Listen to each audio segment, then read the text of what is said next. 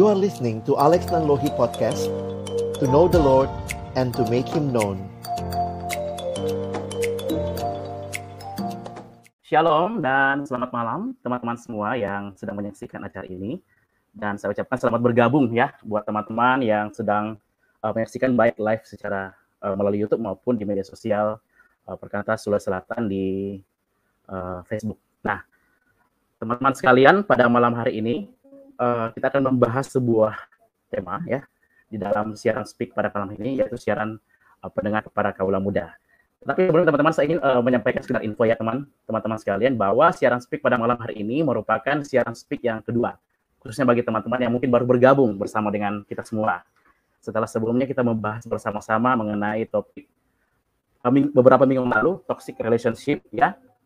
Jadi mungkin teman-teman yang penasaran dengan topik itu, toxic relationship itu, bisa menyaksikan di channel YouTube uh, Perkata Sulsel atau di Instagram di siaran ulangnya uh, boleh memutar kembali. Ya, teman-teman sekalian, pada malam hari ini kita akan membahas sebuah tema mengenai uh, seperti yang teman-teman ketahui sendiri yaitu merdeka dari belenggu pornografi. Nah, teman-teman sekalian, saya Wira Perdana akan bersama-sama uh, akan memandu acara pada malam hari ini. Uh, tetapi pada malam hari ini kita akan berdiskusi berdiskusi bersama-sama uh, berbincang bersama-sama mengenai topik ini, teman-teman sekalian dengan seorang kakak ya, dengan seorang kakak yaitu mungkin kita langsung saja panggilkan dan kita perkenalkan. Oke, silakan. Kakak Alex mungkin boleh bergabung bersama dengan kami, kita semua. Halo, Shalom Wira, selamat malam, selamat malam teman-teman semua. Ya, shalom, selamat malam Kak. Iya. Kali boleh berjumpa dengan Kak Alex ya, face to face ya. pada malam malam hari ini. Sebelumnya hanya menjadi pendengar, tapi kali ini boleh berbincang dan boleh mungkin akan kita uh, berdiskusi bersama-sama kak. Iya. Ya mungkin sebelum kita lanjut kak, mungkin uh, kakak Alex bisa perkenalkan diri dulu karena mungkin sebagian besar dari teman-teman yang bergabung pada malam hari ini belum mengenal kakak Alex. Silakan kak. Iya. Baik, saya bersyukur buat malam hari ini. Terima kasih boleh diundang. Saya Alex Nanlogi. Saat ini saya melayani dalam pelayanan di Perkantas di Jakarta dan juga bersama dengan uh, tim pelayanan nasional, saya di uh, pengurus harian nasional saat ini. Jadi uh, pengalaman pelayanan selama ini uh, saya menjadi staf siswa dan juga staf mahasiswa. Jadi uh, bersyukur ya bisa terus bertemu dengan orang-orang muda dan kadang-kadang jadi lupa usia ya bahwa udah tua. Oke itu saja Wira. Oke, terima kasih Alex. Terima kasih juga buat waktunya buat malam hari ya. ini. Ya, teman teman-teman sekalian, sebelum kita uh, lanjut dalam diskusi kita bersama, kita akan mengawali di dalam doa dan akan saya pimpin teman-teman sekalian. Mari kita berdoa. Kami mengucap syukur kepada ya Tuhan, pemilik hidup kami yang senantiasa mengasihi kami. Tiada henti-hentinya Tuhan. Pada malam hari ini Tuhan kami akan bersama-sama kembali belajar mengenai topik uh, merdeka dari belenggu pornografi Tuhan Tuhan yang memimpin acara pada malam hari ini baik uh, hambamu sebagai pembawa acara maupun Kak Alis akan menjadi narasumber pada malam hari ini baik dan juga teman-teman yang menyaksikan secara langsung live Tuhan di rumah masing-masing baik melalui YouTube maupun di uh, Facebook Tuhan. Tuhan berikanlah acara ini Tuhan dapat menjadi berkat bagi teman-teman sehingga pergumulan uh, kami Tuhan mungkin antara kami yang bergumul dengan topik ini Tuhan dapat kami uh, dapatkan sesuatu Tuhan untuk bisa terlepas dari belenggu ini Tuhan. Terima kasih. Ini doa kami, seluruh semua yang kami dalam nama Tuhan kami Yesus Kristus kami berdoa. Amin.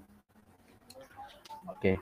Ya, teman-teman, uh, teman-teman yang sedang menyaksikan share live pada malam hari ini, jika mungkin ada pertanyaan atau sesuatu yang diseringkan, diseringkan ya, dibagikan, mungkin bisa langsung di uh, di komen di live chat di YouTube ya.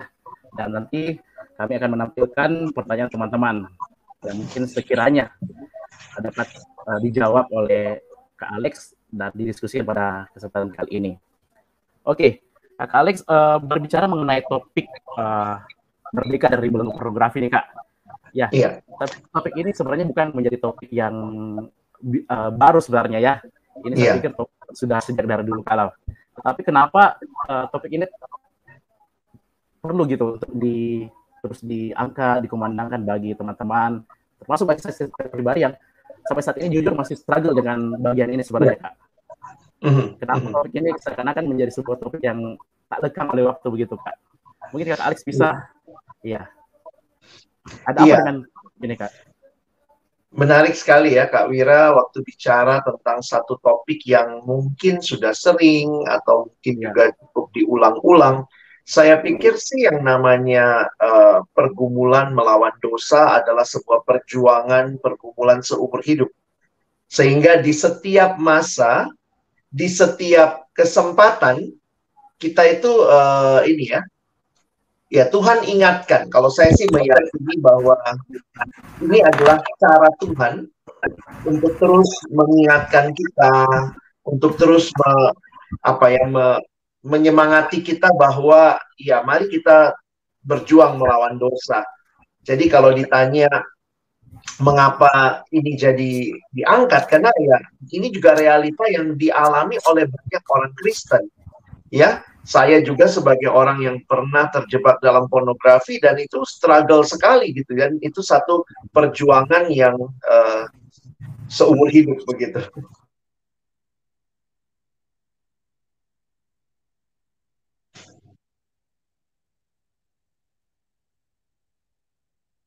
Kak Wira masih mute Kak Wira Oke, sudah kedengaran Kak? Ya, ya sudah. Oke, uh, terima kasih Kak buat jawabannya. Jadi uh, topik ini ketika mendapatkan topik ini saya pikir wah luar biasa topik ini kembali diangkat ya. Karena sebenarnya yeah. topik ini di masa remaja saya pun ini sering kali dikumandangkan. Ya. Benar.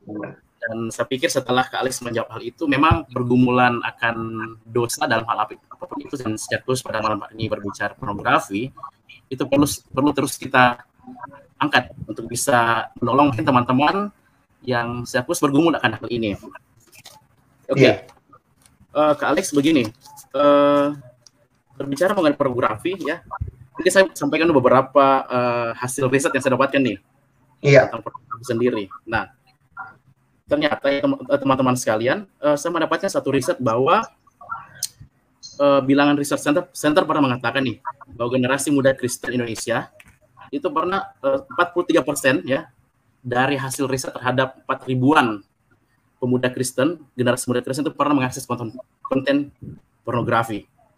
Nah, kemudian hal yang mengejutkan teman-teman sekalian bahwa ternyata akses pornografi ini meningkat seiring ketika uh, masa pandemi ini. Nah, yeah. Nah justru yang aneh eh, teman-teman sekalian dan Alex yang saya temukan uh, bahwa ketika semua uh, bisnis, semua lini itu ketika masa pandemi itu jatuh secara ekonomi, justru uh, pada saat masa pandemi ini uh, bisnis pornografi ini justru meningkat begitu. Hmm, nah, hmm. nah jadi setelah melalui uh, hasil ini saya lihat wah ternyata pornografi ini menjadi sebuah hal yang digemari begitu. Iya. Ketika pertama masa-masa pandemi yang mungkin orang semua pada di rumah ya hmm. pada di rumah terus mungkin mau buat apa akhirnya mungkin lari kepada pornografi seperti itu betul dan uh, beberapa artikel yang saya baca ternyata korbannya adalah juga para remaja, hmm. muda. Dan mungkin antara teman-teman yang pernah juga bergumul terhadap hal ini, terutama di masa-masa pandemi. Nah, seiring itu uh, berkaitan dengan itu, Kak Alis, uh, sebenarnya apa sih penyebab ini, penyebab seseorang terbelenggu dari pornografi, Kak? Selain mungkin hmm. masalah perkembangan teknologi yang sekarang mungkin begitu mudahnya kita akses, Kak Apakah ada hal lain yang kalian bisa bagikan? Ya. Oke. Baik, Kak Wira, ini satu hal yang menarik ya. Memang topik yang tidak habis-habisnya dibahas ketika kita berbicara tentang dosa seksual secara umum ya.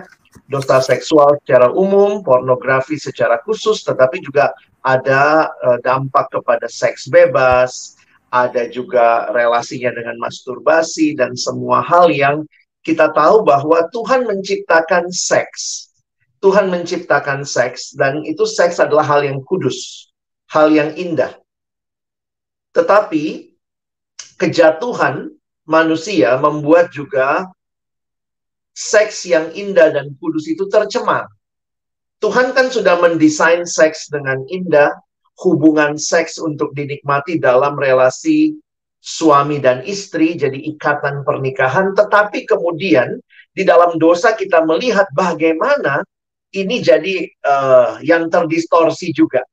Sehingga kalau kita bicara dosa seksual, pornografi, uh, masturbasi, atau mungkin juga kita bicara seks bebas, free sex, itu menjadi bagian yang menjadi pergumulan dan ini bukan baru ya. Saya setuju dengan apa yang Kak Wira sampaikan, ini bukan pergumulan baru dari dulu, tapi dengan meningkatnya perkembangan teknologi, ini menjadi hal yang semakin mudah diakses. Jadi saya bisa membayangkan ya di masa saya remaja yang belum ada internet aja ada uh, majalah porno, ada video-video porno, apalagi sekarang dengan akses teknologi yang begitu mudah yang bisa begitu disebar akhirnya itu jadi seperti uh, wabah begitu ya yang mewabah akhirnya di mana-mana orang punya akses. Nah, di sisi yang lain kita tidak bisa menutup mata bahwa khususnya pemuda, remaja itu masa-masa puber. Masa-masa akil balik di mana di masa itu kita melihat juga bagaimana secara biologis hormon-hormon seksual sudah berfungsi ya berkembang dan kemudian akhirnya tantangan yang saya lihat memang banyak yang menggumulkan hal ini adalah orang muda. Karena dorongan seksual yang memang sudah uh, muncul, sudah dimiliki. Dan akhirnya ini yang kayaknya memang targetnya pornografi itu salah satunya orang muda. Menyasar kepada orang-orang muda sehingga kalau kita lihat bahkan di game-game online atau mungkin di situs-situs online itu bisa tiba-tiba pop up ya jadi saya beberapa kali ketemu dengan anak remaja, ada yang bilang, saya sih nggak buka, Kak. Tapi tiba-tiba muncul gitu. Nah, waktu muncul kamu ngapain? Saya klik, ya sudah jadi deh gitu ya.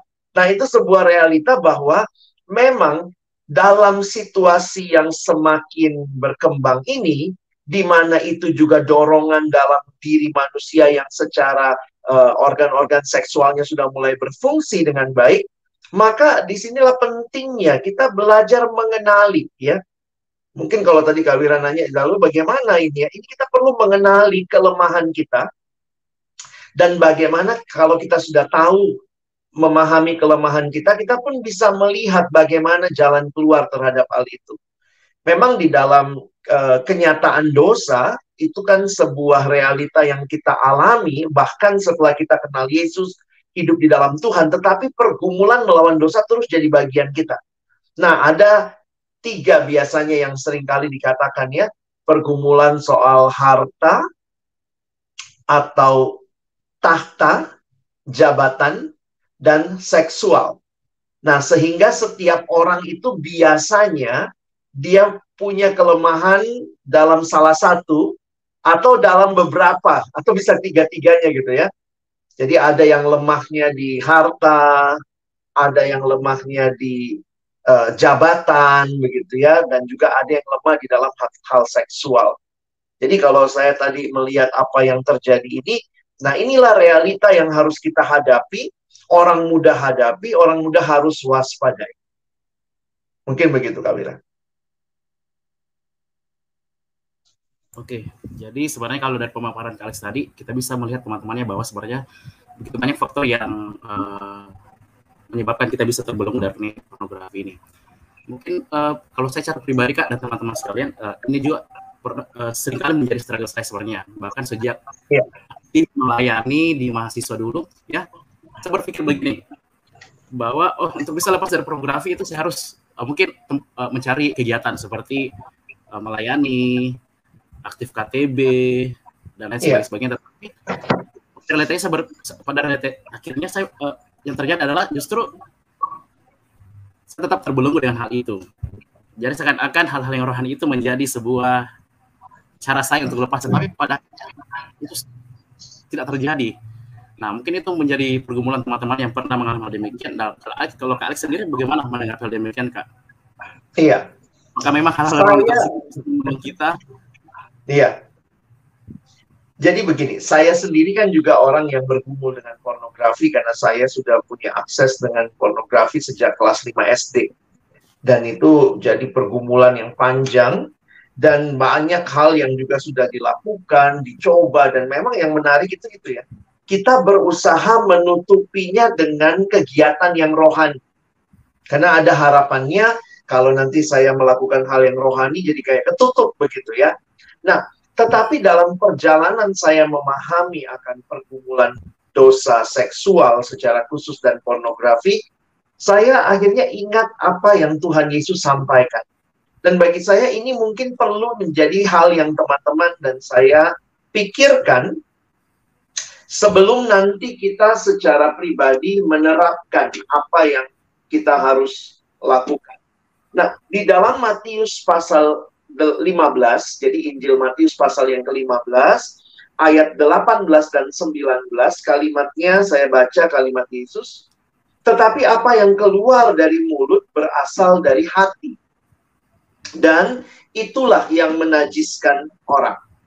Karena dari hati timbul segala pikiran jahat, pembunuhan, perzinahan, percabulan, pencurian, sumpah palsu, dan hujat. Jadi mari kita pakai lensa yang Yesus pakai untuk menganalisa pergumulan kita. Karena Yesus mengatakan karena dari hati. Jadi lucu juga ya pikiran jahat dari hati. Pembunuhan itu menurut Yesus itu bukan hanya ya kalau kita baca kalimat ini dalam uh, parafrase pembunuhan itu bukan masalah tindakan saja tetapi mulainya dari hati. Persinahan itu bukan masalah tindakan aja kita menikmati seks dengan orang lain yang bukan pasangan kita, tetapi itu masalah hati. Wah, ini jadi lama saya coba pikirin gitu ya. Nah, Tuhan Yesus mau mengatakan melalui ayat-ayat ini bahwa ada masalah yang jauh lebih dalam daripada mengatasinya hanya dengan menambah kegiatan rohani. Jadi yang harus dibereskan terlebih dahulu masalah hati. Memang ada kalimat dalam bahasa Inggris bilang begini ya. What is the heart of the problem? The heart of the problem is the problem of the heart. Jadi masalah utamanya itu hati. Nah, poinnya adalah hati seperti apa yang harus kita bereskan. Nah, kalau kita membaca dalam ayat-ayat Alkitab, sebenarnya manusia itu diberikan hati yang benar oleh Tuhan, sebagaimana yang Yesus katakan, kasihilah Tuhan Allahmu, kasihilah sesamamu manusia harusnya hati kita terarah mengasihi Allah dan terarah mengasihi sesama. Tetapi memang ketika jatuh dalam dosa, maka hati ini bukannya mengasihi Allah, bukannya mengasihi sesama, tetapi yang terutama adalah mengasihi diri sendiri. Nah, jadi pertanyaan secara sederhana begini. Bagaimana membereskan mungkin yang harus kita lihat, bereskan dulu hatinya. Kalau hatinya sudah beres, maka kegiatan-kegiatan yang kita lakukan sebagai respon dari hati yang mau mencintai Tuhan, itu akan jadi lebih tepat ketimbang kita hanya menutupinya. Misalnya gitu ya, malamnya bikin dosa, nonton pornografi, masturbasi, besok Oh, pura-pura saat teduhnya lebih lama. Rasanya cuci dosa yang tadi malam. Tetapi bukan itu yang harus dibereskan terlebih dahulu. Bukan menambah jadwal saat teduh. Kalau saya berdosa, saya saat teduhnya harus lebih lama. Saya pakai dua bahan, saat teduh pagi, saat teduh malam. Tetapi bereskan dulu hati kita. Cinta kita kepada siapa? Kepada keinginan diri kita yang selalu mau dipuaskan secara apa ya melalui alat-alat yang kita ambil atau hal-hal yang membuat kita jatuh dalam pornografi atau kita mau mencintai Tuhan. Nah, kalau kita memang sudah mengeset bahwa Tuhan saya mau mencintaimu, maka perjuangan mencintai Tuhan, membaca firman, berdoa, itu bukan untuk mengatasi dosanya, tetapi itu respon kepada Kristus yang sudah memberikan segalanya buat kita. Nah, jadi kalau saya secara sederhana mungkin pertanyaan Kak Wira begini ya. Kalau kita nggak tahu akar masalahnya, maka kita akan pakai berbagai cara hanya untuk menutupi, tetapi tidak menyelesaikan masalah. Karena itu saya coba belajar dari Yesus, masalah orang-orang yang jatuh dalam pornografi, masalah saya, masalah teman-teman yang ber, ber, uh, jatuh dalam pornografi itu masalah hati. Di hati kita ada yang kita cintai selain Yesus, yaitu keinginan kita, nafsu kita. Nah itu dibereskan dulu. Karena akhirnya sadar begini ya, tanya lagi, kita udah terima Yesus belum? Tapi saya udah terima Yesus masih jatuh. Oke, kalau kamu sudah terima Yesus masih jatuh, apakah perjalananmu setiap hari adalah perjalanan mencintai Yesus, bukan mencintai pornografi? Saya kasih satu ilustrasi begini. Di dalam perjanjian lama, Israel ketika mereka menyembah bang Allah lain, dikatakan mereka menyembah berhala, maka ada istilah yang muncul di perjanjian lama, dipakai istilah pernikahan, mereka telah bersinah. Jadi sebenarnya Israel itu terikat dalam relasi dengan Allah. Tetapi waktu mereka mencintai berhala, mereka sedang bersinah. Istilah itu dipakai. Nah, saya lagi coba membayangkan bahwa ketika kita yang harusnya mencintai Tuhan, ternyata kita pada saat yang sama punya berhala yang namanya pornografi yang kita cintai. Maka pertanyaannya begini, bagaimana supaya saya tidak cinta sama berhala saya? Harus bangun cinta sama Tuhan. Jadi ini kalau orang selingkuh ya, ada yang nanya, gimana kak? Kalau ada yang selingkuh, bisa nggak dia? Bagaimana caranya dia kembali? Saya pikir ya cara sederhana, adalah cintai pasanganmu. Jadi jangan diterusin. Simpen foto pasangan orang. Komunikasi terus dengan orang itu. Nah kalau misalnya begitu, yang yang kamu simpen misalnya fotonya pacar orang, fotonya istri orang, terus yang kamu bayangkan kamu komunikasi terus, nah lama-lama yang terjadi apa? Ya kamu tambah cinta sama istri orang. Bagaimana supaya kita kembali kepada Tuhan? Ya, belajar mencintai Tuhan, maka kita bangun relasi ya. Nah di situlah doa saat teduh. Jadi perlu tahu akar-akarnya sehingga apa responnya itu menjadi hal yang tepat.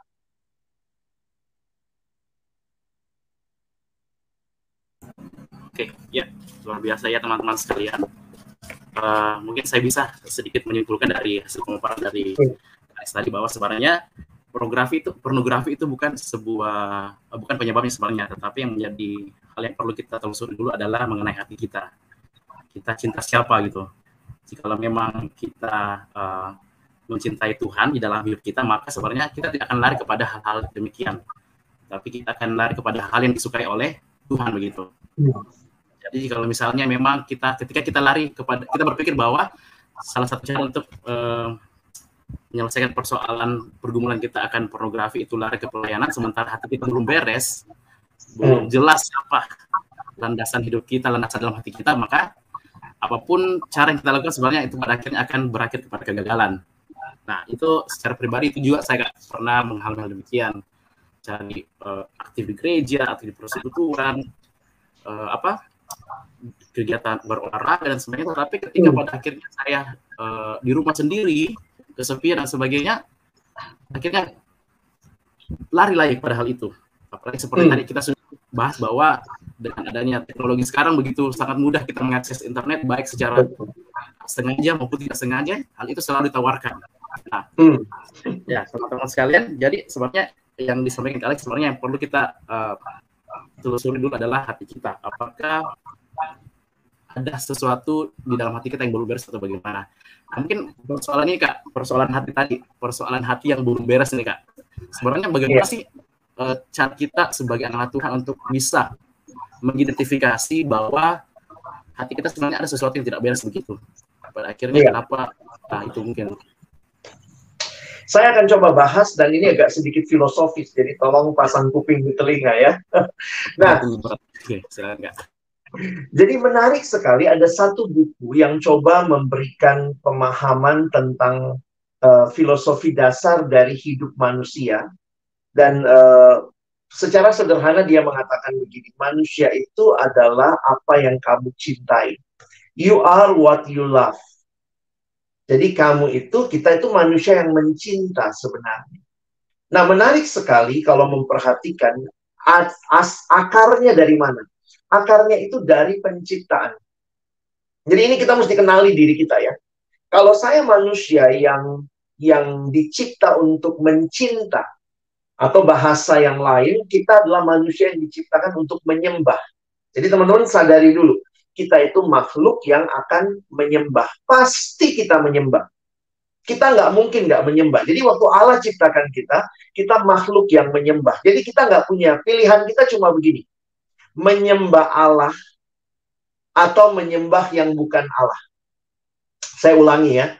Pilihan kita itu bukan menyembah Allah atau tidak menyembah Allah. Tidak mungkin. Kita itu makhluk yang dicipta untuk menyembah.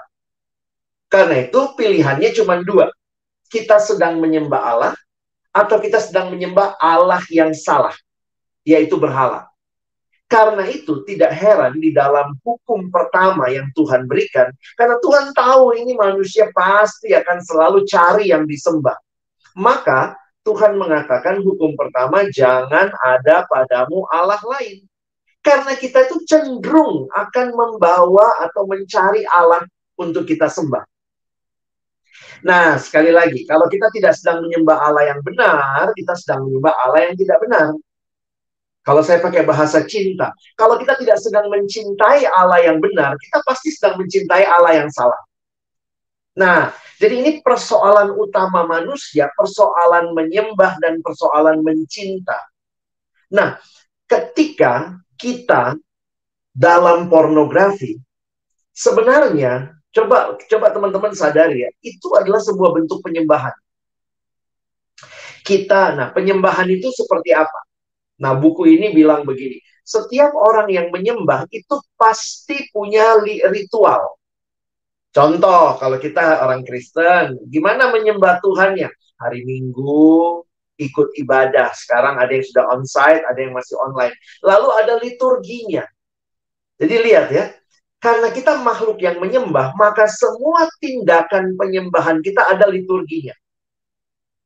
Nah, liturginya itu apa? Begitu datang sama Tuhan, terus kalau kita di gereja ada pengakuan dosa, Tuhan berfirman, lalu ada pemberitaan firman, ada respon, kita ngasih persembahan. Semua tuh ada liturgi. Menyembah Tuhan ada liturgi. Nah, ingat, kalau pornografi adalah sebuah penyembahan, maka pornografi juga ada liturginya. Nah, ini, nah bagi saya yang menarik untuk memahami diri kita dengan pornografi yang kita terjebak di dalamnya, kenali liturginya. Nah, mungkin saya nggak tahu nih, Kak Wira bisa sharing juga gitu ya. Dalam teorinya, karena ini adalah penyembahan dan liturgi, kita itu akan jatuh dalam dosa pornografi itu biasanya di jam yang rada mirip. Jamnya sama, atau kalau tidak, suasananya sama. Tadi Kak Wira cerita, ya aktif pelayanan, tapi waktu balik ke rumah, di kamar sendirian, itu tuh kayak otomatis gitu ya. Tiba-tiba mulai berpikir, mulai terangsang, lalu kemudian menikmati buka pornografi, lalu kemudian masturbasi, dan itu jadi seperti liturgi. Nah, buku ini kemudian menegaskan kepada kita untuk memutus rantai liturgi. Teman-teman coba perhatikan ya, kita itu sekali lagi jatuh di pornografi biasanya di jam yang sama. Kalau tidak di jam yang sama, di situasi yang sama. Lalu apa yang dilakukan? Itu urutannya jelas. Saya pernah layani seorang anak mahasiswa dan dia telepon dia bilang ke Alex saya jatuh dalam dosa pornografi. Kamu di mana? Ternyata dia tidak satu kota sama saya. Jadi kami saya pelayanan lewat telepon. Terus saya coba teori ini ya saya tanya boleh tahu nggak kamu jatuhnya jam berapa? Dia kaget loh kok kak Alex nanya jatuhnya? Gitu ya. Coba ya kamu jatuhnya biasanya jam berapa? Atau suasananya seperti apa? Terus dia inget-inget iya kak saya tuh baru sadar saya itu jatuhnya hampir setiap kali kira-kira itu jam 2 atau jam 3 siang. Nah, saya tanya, liturginya bagaimana? Nah, liturginya dia bingung juga liturgi. Saya bilang, apa yang kamu lakukan?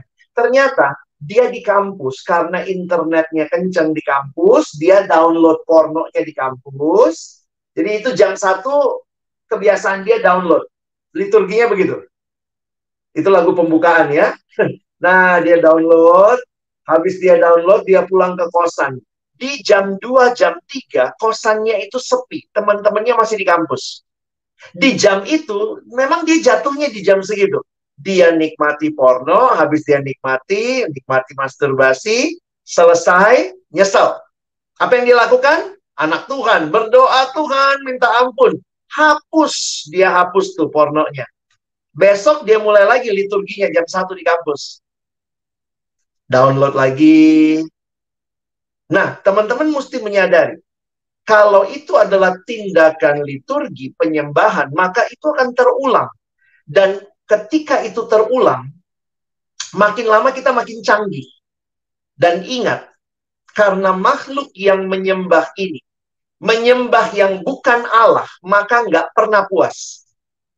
Akan cari lagi pornografi, cari lagi. Karena itu selalu bentuk penyembahan itu selalu tidak ini kan kosong ya. Terus nggak bisa diisi tuh cari porno lagi cari yang uh, versi ini nanti cari yang versi itu. Nanti meningkat lagi lama-lama apa cobain ah cari pasangan pacaran nggak bisa mikir kudus mulai grepe-grepe mulai coba-coba. Jadi itu seperti sebuah siklus. Nah gimana menghentikannya secara sederhana bangun liturgi baru.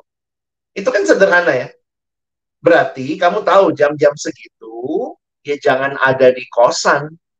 Itu membuat kamu jatuh. Paling tidak kalau kamu sadari hatimu kamu udah arahkan sama Tuhan, maka bangunlah liturgi baru. Ada liturgi yang saya lakukan dengan adik ini. Karena dia di kota yang tidak sama dengan saya, saya bilang, kamu jatuhnya jam berapa? Jam segini biasanya, Kak. Oke, mulai hari ini saya akan telepon kamu setiap jam setengah tiga. Jadi saya break liturginya. Kita doa sama-sama ya. Supaya dia sadar, ini suasana di kamar kosan, saya harus bangun menyembah Allah. Bukan ngikutin liturgi yang saya mau. Nah, kira-kira saya harap penjelasan ini menolong kita menyadari, kan ini teologis, filosofis, tapi juga Jadinya pemuridan itu sebenarnya sebuah cara Tuhan untuk kita membangun liturgi yang baru dalam keseharian kita. Yang biasanya bangun, langsung buka HP, nonton porno, sekarang dikasih tahu PKK-nya bangun saat teduh ya, itu membangun liturgi yang baru. Nah, jadi memang penting sekali waktu bicara liturgi, intinya siapa yang lagi kita sembah. Kalau kita sedang menyembah Allah, maka bangunlah liturgi yang menyembah Allah, termasuk bangun pagi di kosan sendiri. Tapi kalau yang kita sembah adalah diri kita, keinginan kita, hawa nafsu kita, maka terus liturgi itu akan berulang. Nah, mungkin kira-kira begitu penjelasan sederhananya, Kak Wira ya. Oke, terima kasih Kak Alex. Jadi uh, yang kesimpulan dari pemaparan Kak Alex tadi yang saya cukup padat ya, sangat padat.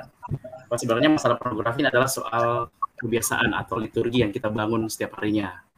Pada hmm. akhirnya mungkin dari hari ke hari, yang pada akhirnya itu yang kita jalani dalam hidup kita. Karena semua mendengar sebuah statement, statement, statement bahwa hidup adalah, adalah sebuah liturgi. Hidup Betul. adalah sebuah liturgi. Dan liturgi apa yang kita jalankan ya, tergantung kita gitu.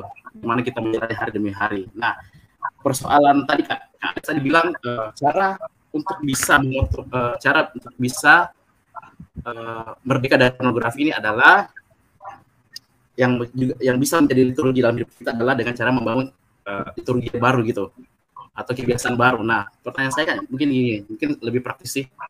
Hmm. Alex sendiri mana mungkin bisa memberikan tips uh, atau saran gitu, saran praktis bagi kita semua teman-teman semua yang menyaksikan pada malam hari ini untuk bisa membangun liturgi baru ini karena tentu uh, ini bukan menjadi sebuah hal yang mudah karena tiba-tiba mengubah itu gitu kan.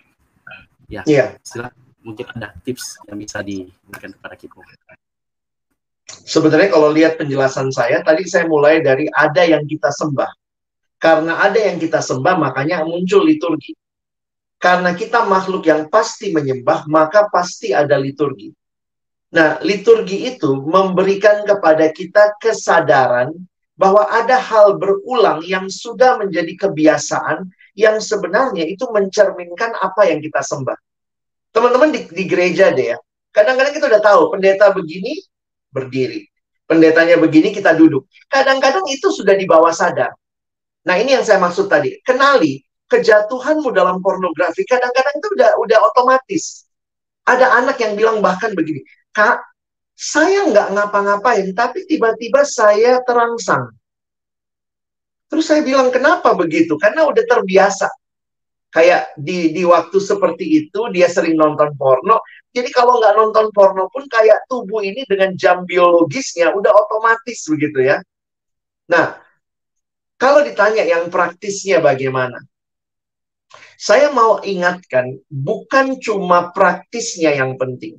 Ayo rajin saat teduh, rajin kelompok kecil, rajin doa. Tapi ingat, semua praktis itu sedang dalam rangka membangun liturgi baru yang pada intinya adalah membangun sikap yang menyembah Allah. Jadi begini juga, saya ketemu orang yang saat teduh, tapi saat teduhnya itu cuma sekadar supaya kalau dicek PKK-nya, dia bilang udah saat teduh. Dia doa kenapa? Karena ini lagi proyek ketaatannya doa. Tapi tidak menjadi sebuah tindakan yang lahir dari hati yang mau menyembah Tuhan. Jadi poinnya begini.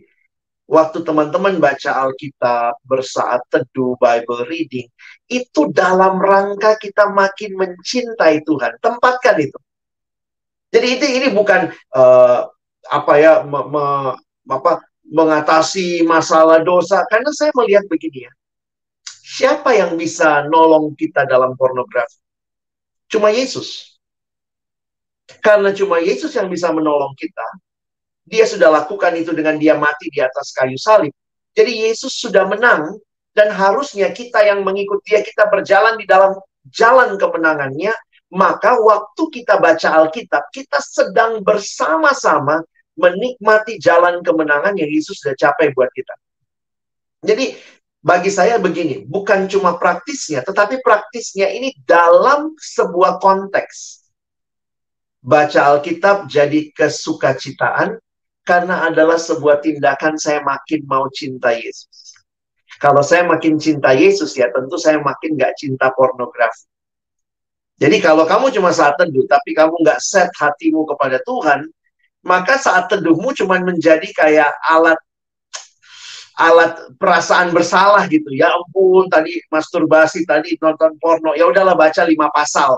Seolah-olah itu adalah sebuah tindakan cuci dosa. Enggak. Jadi mungkin itu kali Vira ya. Kalau praktisnya teman-teman udah tahu lah ya. Bagaimana rajin berdoa rajin bersaat teduh ikut kelompok kecil taat dan tips-tips yang lain kalian bisa baca di majalah-majalah rajin olahraga segala macam. Tapi buat saya kalau tidak dibangun hatinya, nah itu jadi masalah tuh. Akhirnya semua kegiatan itu seperti sesuatu yang kita lakukan untuk membawa kita menang dari dosa. Padahal yang membuat kita menang dari dosa itu adalah Kristus. Jadi Mungkin begitu ya, silakan lanjutkan semua yang teman-teman sudah lakukan. Itulah hal-hal praktis yang diset dengan hati yang tertuju kepada Allah. Oke, ya teman-teman, jadi dari pemaparan kali tadi saya menyimpulkan ya bahwa sebenarnya hal-hal praktis yang mungkin teman-teman dan kita sudah perjuangkan bahwa uh, seperti beribadah, bersatu, bersekutu dan sebagainya itu uh, tidak salah sebenarnya. Tapi yang perlu kita kenali dulu adalah hati kita sebenarnya. Kepada siapa kita uh, menyembah, kepada siapa kita menghayati uh, sumber kepuasan kita. Nah, uh, berkaitan dengan pemaparan kalian tadi, saya pernah ini kak dalam pergumulan saya akan pornografi ini kak, saya pernah uh, membaca sebuah entah itu mungkin dari khotbah Kak Alex di podcast ini yang pernah dengar bahwa katakan oleh Timothy Keller bahwa kamu jauh lebih berdosa daripada apa yang kamu pikirkan, tetapi uh, hmm. tapi kamu lupa bahwa uh, Tuhan jauh lebih mengasihi daripada apa yang kamu ketahui. Nah, ini kalau saya ulang kak ya. Nah dari dari uh, statement itu kemudian saya merefleksikan selama, uh, merefleksikan kemudian ternyata selama ini yang saya pikir adalah bahwa saya, ya, selama saya pikir bahwa uh, menyenangkan Tuhan itu hanya berpikir bahwa oh tidak melakukan dosa sebenarnya. Hmm. Saya berpikir kita hidup hanya ya, yang penting hidup baik-baik aja gitu, tidak melakukan dosa, tidak melakukan dosa, tetapi lupa sebenarnya bahwa hidup itu bukan sekedar melakukan uh, sebuah aturan dari yang Tuhan inginkan, tetapi lebih kepada bagaimana kita menghayati kasih Kristus di dalam kita. Nah, sehingga kasih Kristus itu yang kemudian mendorong kita untuk uh, melakukan hal-hal yang Tuhan senangi dan secara langsung itu bisa menolong kita merupakan hal-hal yang uh, tidak disenangi oleh Tuhan. Salah satunya adalah pornografi. Yeah. Jadi statement dari itu sangat menolong saya untuk merefleksikan kembali sebenarnya apa sih yang saya cari dalam pornografi pornografi ini sebenarnya. Benar. Okay. Saya saya pernah gini Wir, saya boleh tambahin sedikit ya.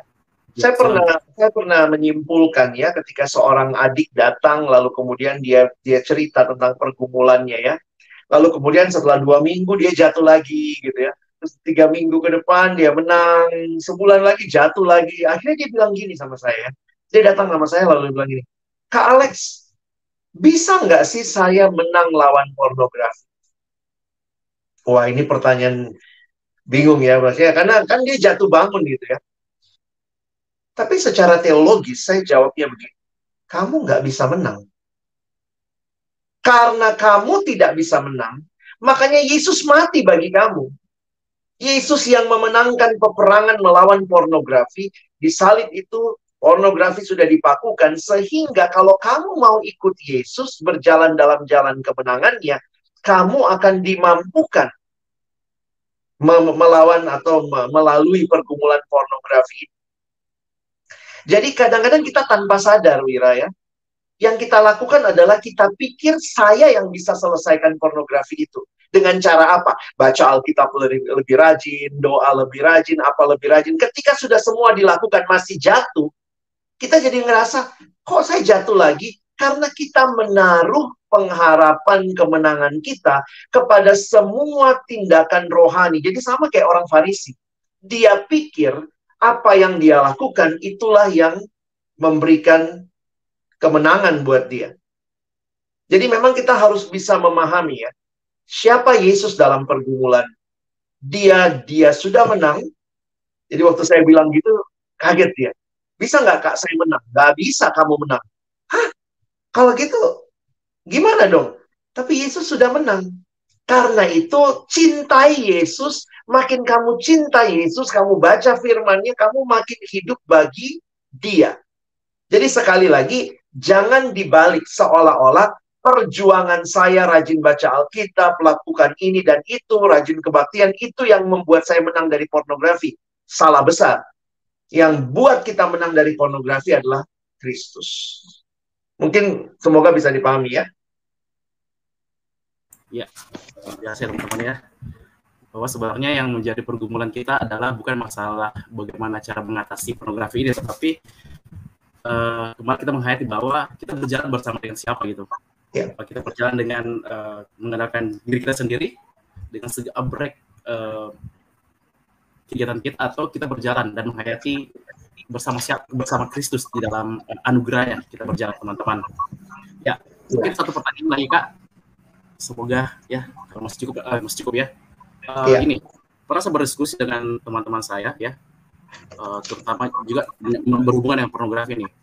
Dia berkata seperti ini bahwa kan Tuhan sudah mengasihi kita ya, Tuhan sudah mengasihi kita. Jadi kalaupun misalnya kita jatuh jatuh dan sebagainya, pada akhirnya dia berpikir bahwa oh kan anugerah Tuhan terbatas begitu kak.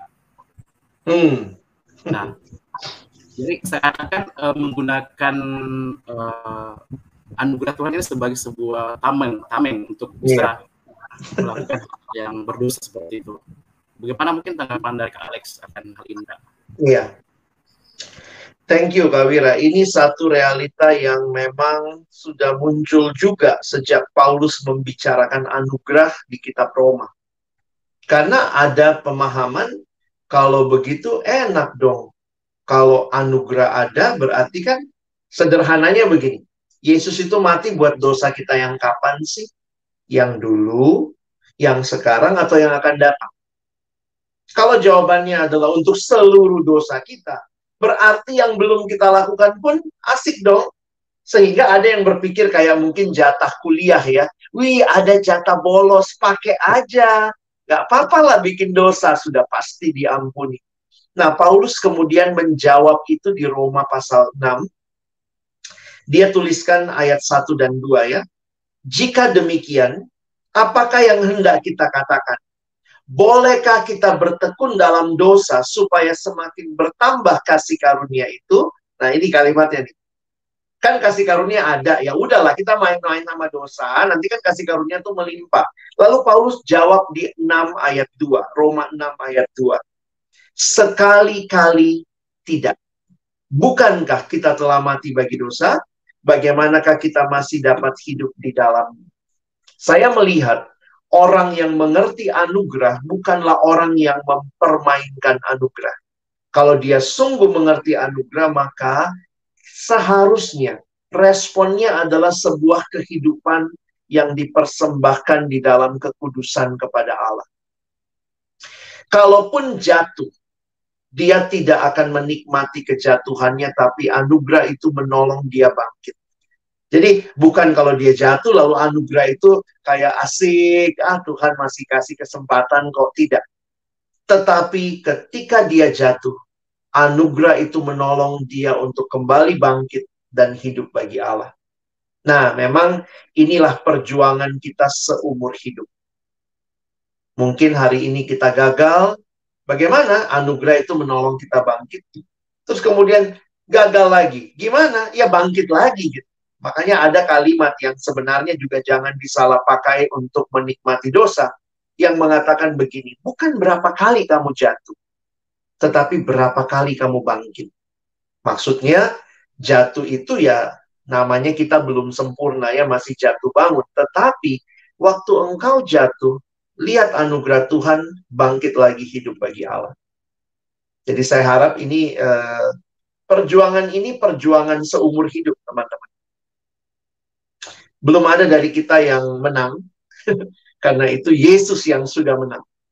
Kalau engkau mau menang, pandang sama Yesus, cintai dia, ikuti jalan salibnya, dan itulah kemenangan kita. Jadi ini memang uh, perlu kita sama-sama terus hayati ya. Oke, terima kasih Kak Alex. Ya mungkin teman-teman yang menyaksikan secara live uh, siaran speak pada malam hari ini, baik melalui YouTube ataupun uh, Facebook, mungkin ada yang ingin bertanya, silakan atau mungkin ingin sharing akan pergumulannya, boleh.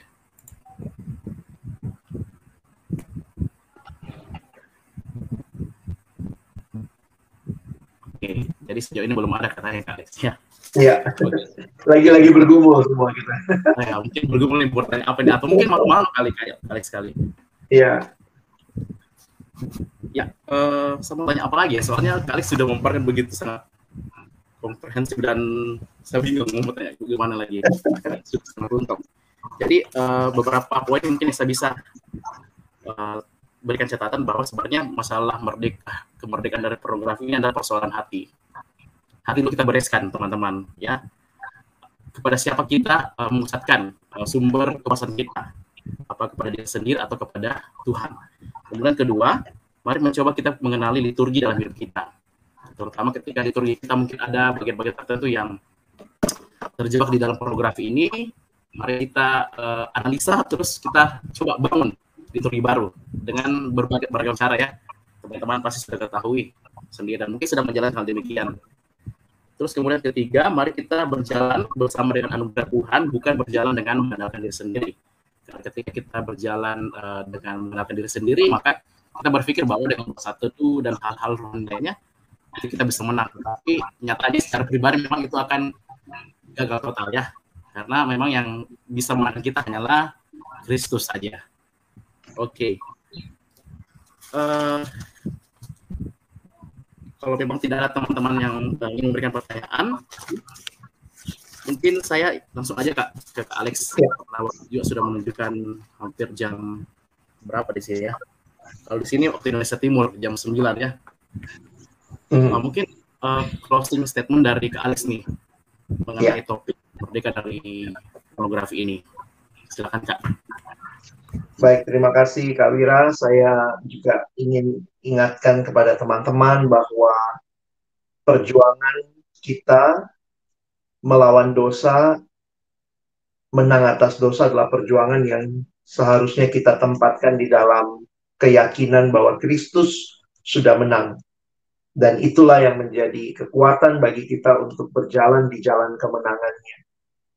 Jadi saya sungguh rindu uh, kita yang mungkin sedang bergumul ya, miliki juga komunitas yang bisa menolong teman-teman. Mungkin ini juga ya, saya kadang-kadang kita berpikir baca Alkitab, berdoa, tapi kita juga lupa bahwa sebenarnya Tuhan menghadirkan saudara-saudara seiman yang ya mari kita berjalan bersama-sama, mari kita belajar sharing, kita belajar mengaku dosa satu sama lain, dan juga kita bangkit untuk sama-sama mau hidup bagi Allah. Dan ini bukan hal yang mudah, tapi bukan hal yang mustahil. Kadang-kadang kita pikirnya susah, susah, saya jatuh lagi, jatuh lagi. Tapi mari kita melihat bahwa kita pun bisa diberikan kekuatan untuk berjalan di dalam kemenangan Kristus. Dan saya pikir itu pengharapan kita ya. Karena dunia makin tidak mudah, dunia akan terus menawarkan. Ya, kalau lihat pertambahan jumlah situs porno per hari itu ya katanya ada survei yang mengatakan satu hari situs porno itu bertambah bisa dua ribuan situs satu hari. Sementara situs Kristen berapa banyak ya? Jadi kadang-kadang sedih juga ya anak-anak remaja pemuda nggak punya opsi kadang-kadang ini nontonnya ke sana gitu ya. Situs Kristen nggak banyak, situs gereja juga isinya nggak menarik gitu ya. Jadi di satu sisi saya lihat juga uh, ini tantangan ya panggilan bagi kalian yang mungkin mari warnailah media sosial, warnailah dunia digital ini juga dengan pesan-pesan yang baik, termasuk seperti siaran kita malam hari ini supaya orang bisa melihat gitu ya di tengah arus yang begitu kuat tetapi juga arus kebenaran tetap harus diberitakan. Kiranya Tuhan menolong kita boleh jadi orang-orang yang berjalan di dalam kemenangan Kristus. Siap ya, ya teman-teman eh, kesimpulan akhirnya mari kita berjalan bersama Kristus. Oke, untuk mengakhiri acara kita pada malam hari ini, saya mungkin minta kepada Kak untuk kita di dalam doa. Silakan Kak. Iya. Baik, mari kita berdoa. Tuhan terima kasih karena kami hari ini boleh sama-sama membahas satu tema topik pergumulan yang tidak mudah. Tetapi di dalamnya juga kami yakin ini hal yang Tuhan sudah menangkan pergumulan melawan dosa pornografi. Kami sadar betul ya Tuhan, kami umatmu lemah. Kami rapuh melakukan apa yang baik dan begitu cepat melakukan apa yang jahat. Tapi kembali kami bersyukur karena kami punya pengharapan akan hidup berkemenangan di dalam Kristus. Hidup yang terus memandang kepada salib itu dan hidup yang semakin hari semakin membangun cinta kami kepada Tuhan, bukan cinta kepada pornografi. Kami sungguh berdoa bagi rekan-rekan yang mendengarkan yang mungkin dalam pergumulan jatuh bangun. Kiranya malam hari ini kemenangan dalam Kristus itu kami alami. Kami memandang kepada Kristus yang memberikan kemerdekaan itu. Dan kami bisa berkata dengan iman bahwa kami ada di dalam Kristus dan kami berjalan di dalam jalan kemenangan. Kami berdoa, tolong kami untuk memaknai setiap kali kami membaca Alkitab, kami bersaat teduh, kami Bible reading, kami berdoa, kami berkelompok kecil, kami beribadah ke gereja itu sebagai tindakan-tindakan iman yang mencintai Tuhan supaya itu bukan menjadi kebiasaan kosong, sebuah kebiasaan ritual tanpa makna, tapi benar-benar kami maknai dan kami hidupi bagi kemuliaan Tuhan. Sekali lagi terima kasih untuk siaran kami malam hari ini. Tuhan tolong agar semua yang mendengar baik yang secara langsung maupun siaran tunda nanti mereka juga boleh terus menikmati apa artinya berjalan bersama Tuhan hari demi hari. Terima kasih untuk Kak Wira juga yang sudah memandu kami malam hari ini dan juga semua yang menolong Kak Sam di belakang layar kiranya Tuhan yang memberkati agar siaran ini juga boleh jadi berkat bagi banyak orang. Kami bersyukur, berterima kasih, menutup dalam nama Tuhan Yesus kami berdoa. Amin.